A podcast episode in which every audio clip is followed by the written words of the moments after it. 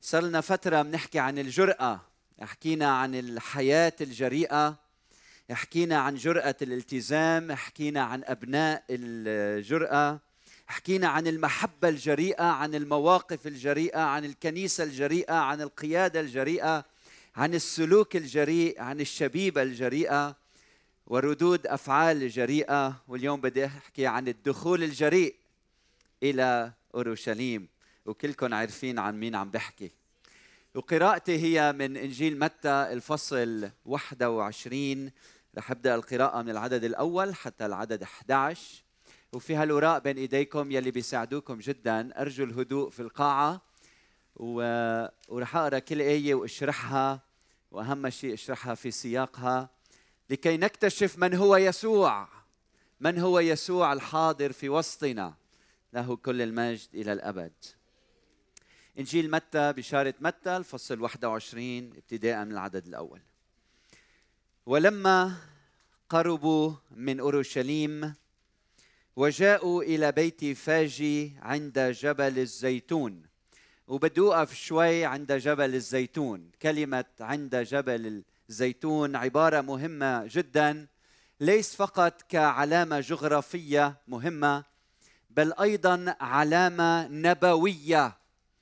فهيدا النص كله محشو بالمعاني اللاهوتية والعمق العقائدي. وفيه معاني عديدة ويجذب العهد القديم إلينا ونبواته. ومن دون العهد القديم لا نستطيع أن نفهم هذه الكلمات. إذا بتفتحوا معي زكريا 14 واحد لأربعة نقرأ هذه الكلمات. هو ذا يوم للرب يأتي فيقسم سلبك يعني غنيمتك وأحيانا تشير إلى الجبال الشامخة في وسطك. وانتبهوا لهذه الكلمات لهذه النبوة. وأجمع كل الأمم على أورشليم للمحاربة فتؤخذ المدينة وتنهب البيوت وتفضح النساء ويخرج نصف المدينة إلى السبي وبقية الشعب لا تقطع من المدينة.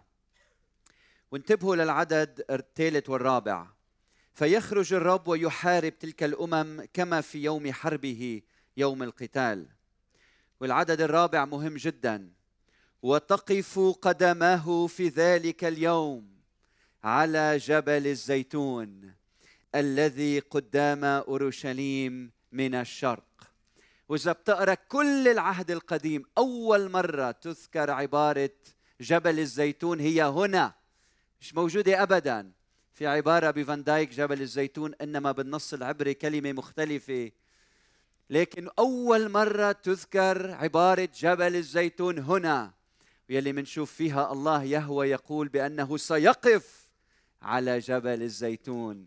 وهنا نرى يسوع واقف على جبل الزيتون. ولاحظوا معي فينشق جبل الزيتون من وسطه نحو الشرق ونحو الغرب واديا عظيما جدا.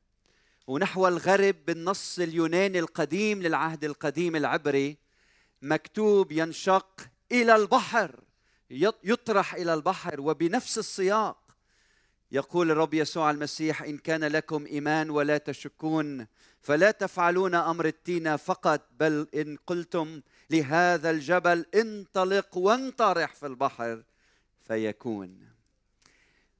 نتابع القراءة وينتقل نصف الجبل نحو الشمال ونصفه نحو الجنوب. يلي عم بيقلنا إياه متى انتبهوا هلأ في أمور مهمة في أحداث هامة.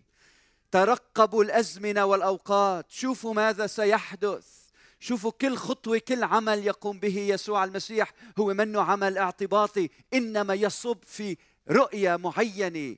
هو تتميم لنبوات العهد القديم. والعدد الثاني حينئذ أرسل يسوع تلميذين. العدد الثاني قائلا لهما اذهبا إلى القرية التي أمامكما. فللوقت تجد تجدان أتانا مربوطة وجحشا معها فحلاهما واتيان بهما. ولما نتأمل بالأناجيل كلها منلاحظ إنه ولا مرة الرب يسوع المسيح ركب على دابة أو على جحش أو على أتان أو على حمار. كان هو والتلاميذ دائما على الأقدام يتجولون من مكان إلى آخر. فهنا المكان الغريب الوحيد يلي منشوف يسوع عم يطلب جحش بن أتان لحتى يدخل إلى أورشليم.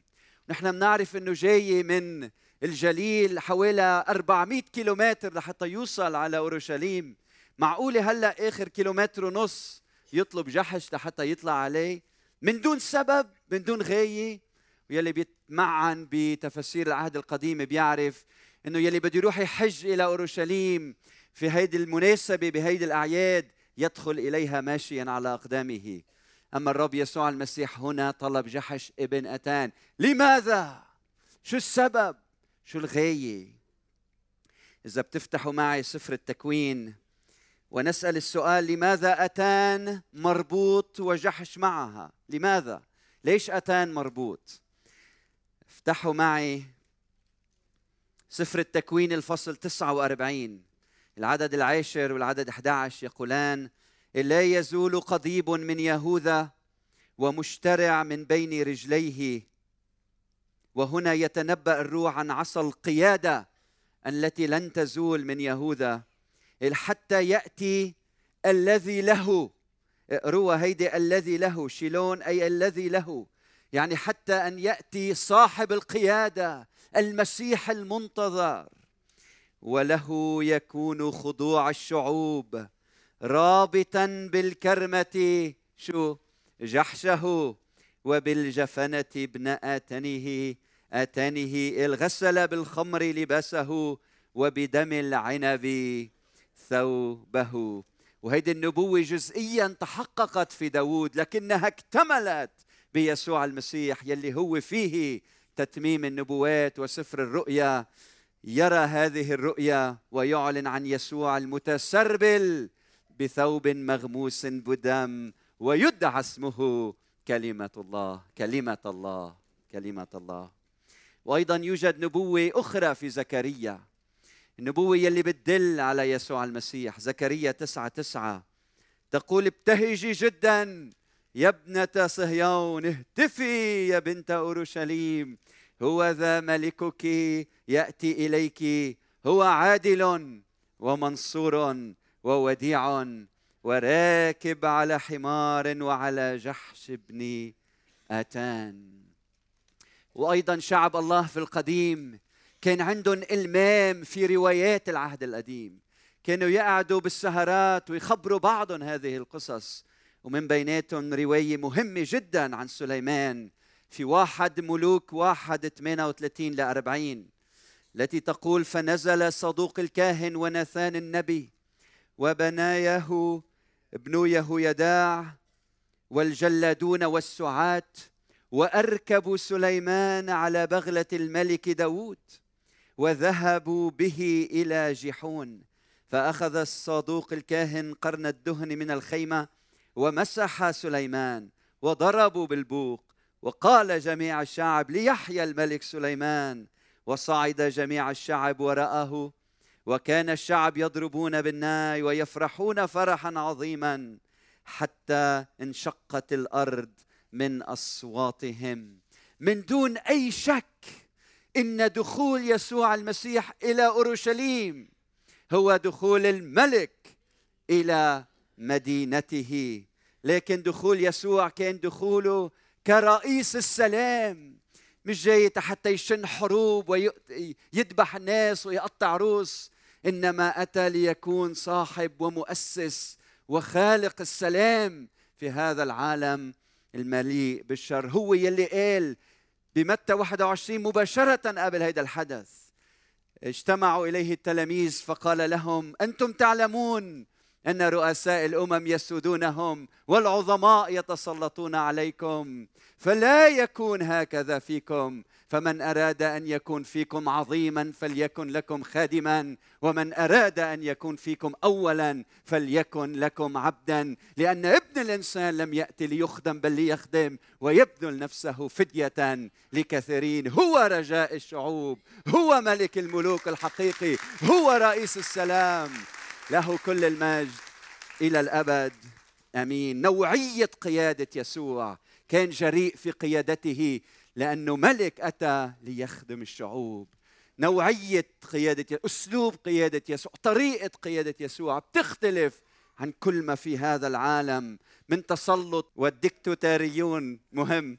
الديكتاتوري الديكتاتوريون فيسوع إجا يحكي ضد هودي. أصحاب السيادة والسلطة يلي ما عم يعرفوا يعيشوا في خدمة الآخرين. إجا يقول أنا الملك العظيم أتيت لكي أخدم وأحب الناس. ويلي بعد ما فهم بعد ما فهم من هو يسوع المسيح افتحوا معي زكريا 11 الاعداد 12 و 13 مكتوب نبوة عن يهوذا يلي بتأكد لنا من هو يسوع المسيح. تقول فقلت لهم إن حسن في أعينكم فأعطوني أجرتي وإلا فامتنعوا فوزنوا أجرتي ثلاثين من الفضة. فقال لي الرب ألقها إلى الفخار الثمن الكريم الذي شو؟ ثمنوني به. فأخذت الثلاثين من الفضة وألقيتها إلى الفخار في بيت الرب. كمان من زكريا. وبيقتبسها متى؟ بالفصل 27 9 و10 ويقول حينئذ تم ما قيل بإرمياء النبي وتشمل زكريا أيضا القائل وأخذوا الثلاثين من الفضة ثمن المثمن الذي ثمنوه من بني إسرائيل وأعطوها عن حقل الفخار كما أمرني الرب. وليلي بعد ما بيفهم وما فهم وما بيعرف من هو يسوع المسيح. بآخر آية من زكريا. سفر زكريا مهم جدا بالنسبة لمتى. الفصل 14 والعدد 21 مش مثل ما مكتوب بالورقة عندكم صححوها. تقول ترجمة عربية أخرى انتبهوا لهذه الآية. هيدي آخر آية بسفر زكريا. تقول ولا يكون من بعد تاجر تاجر في بيت رب القوات. في ذلك اليوم اليوم العظيم يلي بده يجي فيه الرب. ومباشرة من بعد هيدي الحادثة الرب يسوع المسيح دخل إلى الهيكل قلب الموائد الصيارفة وقال لهم وطرد التجار وقال لهم بيتي بيت الصلاة يدعى لجميع الناس أما أنتم فجعلتموه مغارة لصوص. وأخيرا ما تنسوا زكريا 12 عشرة هذه الكلمات التي تقول وأفيضوا على بيت داود وعلى سكان أورشليم روح النعمة والتضرعات فينظرون إلي الذي طعنوه وينوحون عليه كنائح على وحيد له ويكونون في مرارة عليه كمن هو في مرارة على بكره. وهيدا النص بيقتبسه متى أيضا؟ في الفصل 24 فيعلن لنا إنجيل متى؟ أنه يسوع المسيح هذا بشخصه وبحياته وبدخوله إلى أورشليم وموته فيما بعد وقيامته هو يختصر تاريخ الخلاص تاريخ الله الخلاصي. هو يسوع وحده يلي الأنبياء تنبأوا عنه. هو يسوع الملك هو يسوع المخلص هو يسوع الفادي وله يشهد جميع الأنبياء أن كل من يؤمن به ينال باسمه غفران الخطايا وليس بأحد غيره الخلاص لأن ليس اسم آخر تحت السماء قد أعطي بين الناس به. ينبغي أن نخلص. العدد السادس من متى 21 نتابع. فيقول فذهب التلميذان وفعلا كما أمرهما يسوع وأتيا بالأتان والجحش ووضعا عليهما ثيابهما فجلسا فجلس. والجمع الأكثر فرشوا ثيابهم في الطريق وآخرون قطعوا أغصانا من الشجر وفرشوها في الطريق. واذا عم تسأل لماذا؟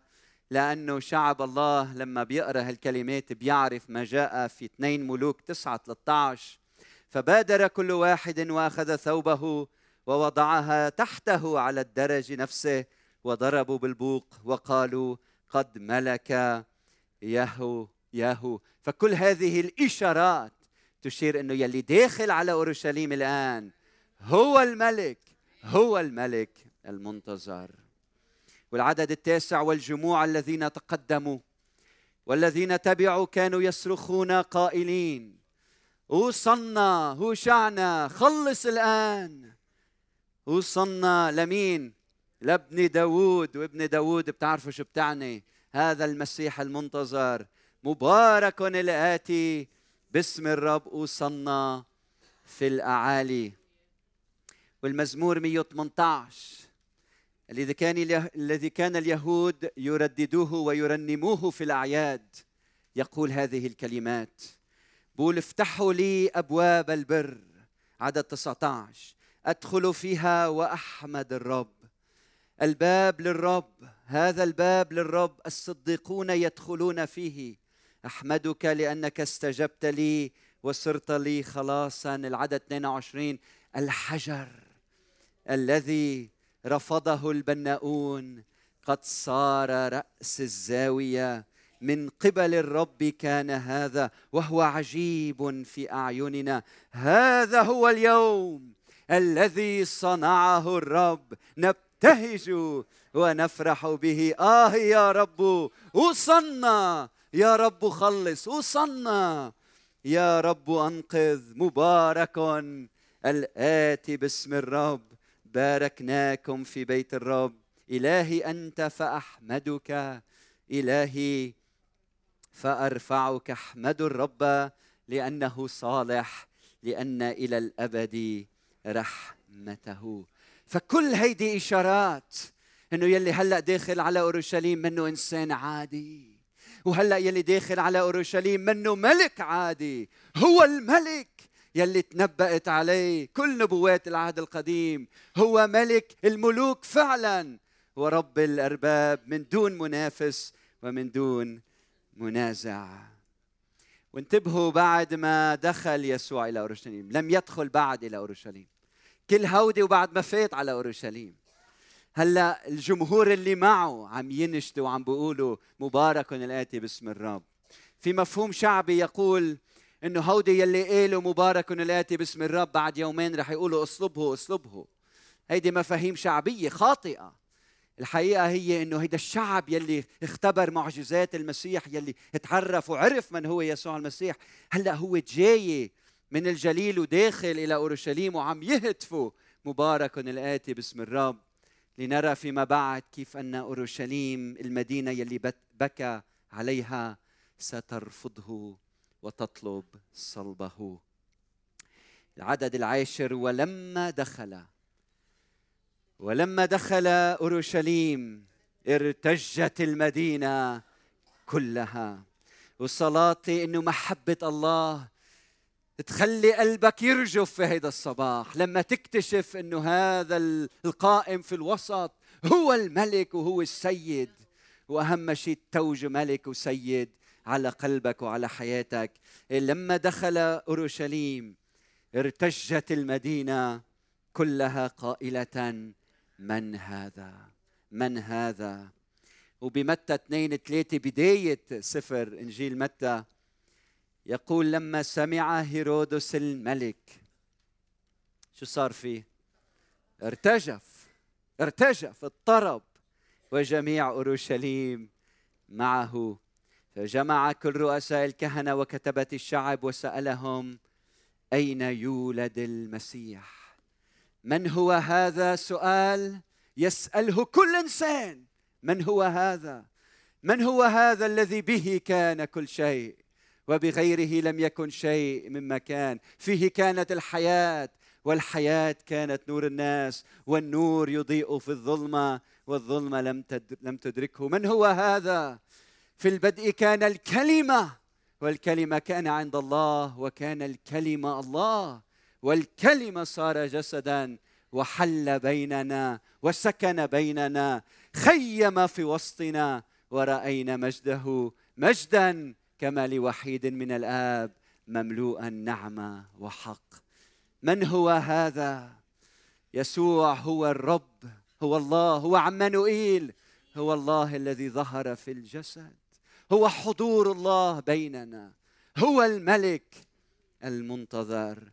وانتبهوا للعدد 11 فقالت الجموع هذا يسوع النبي الذي من ناصرة الجليل. وكلمة النبي كلمة قوية جدا قوية جدا. فعلما إنه كل شيء يشير إنه وعد الله يهوى بأنه سيأتي إلى أورشليم والآن أتى يسوع. الوعد بانه المسيح سيأتي وأتى يسوع. الوعد بانه الملك سيأتي وهنا يسوع يدخل إلى أورشليم. الجموع صرخت وقالت هذا هو النبي. مع التعريف منه نبي من الأنبياء؟ هو النبي. لأنه اذا قالوا هذا هو ابن الله. رح يقولوا عنهم رح يقولوا عم بيجتفوا. وإذا الجموع قالت هذا هو المسيح أو الملك هذا تهديد للإمبراطورية الرومانية انقلاب على الإمبراطورية الرومانية. هذا تعبير سياسي. فالجموع بحكمة قالوا هذا هو مش نبي من الأنبياء لا لا لا. هذا هو النبي يلي فيه تتحقق النبوات وخاصة تثنية 18 15 ل 19 الذي يقول ويقيم لك الرب. إلهك نبيا من وسطك من إخوتك مثلي يعني يهودي مثلي. له تسمعون. ولما الجموع قالت هذا هو النبي هيدا التصريح في تهديد مش للسلطة السياسية إنما للسلطة الدينية للفريسيين والكتبة يلي هيجوا الشعب. حتى يخلصوا من يسوع ويقتلوه على الصليب ويفكروا إنه يخلصوا منه لكن الرب يسوع المسيح من بعد في ال في ال في اليوم الثالث قام من بين من بين الأموات. أخوتي نخرج اليوم لنعلن أن يسوع هو الملك. لنعلن إنه يسوع انتبهوا معي هو الملك وهو الرب وهو النبي. يعني في شخصه يجمع كل نبوات العهد القديم. في شخصه يجمع اللاهوت والناسوت. في شخصه يجمع السماء والأرض معا. في شخصه يجمع له شعب من كل قبيلة وأمة وشعب ولسان. يسوع ملك الملوك يسوع رب الأرباب. نقول له هوشعنا مبارك مبارك اسم الرب.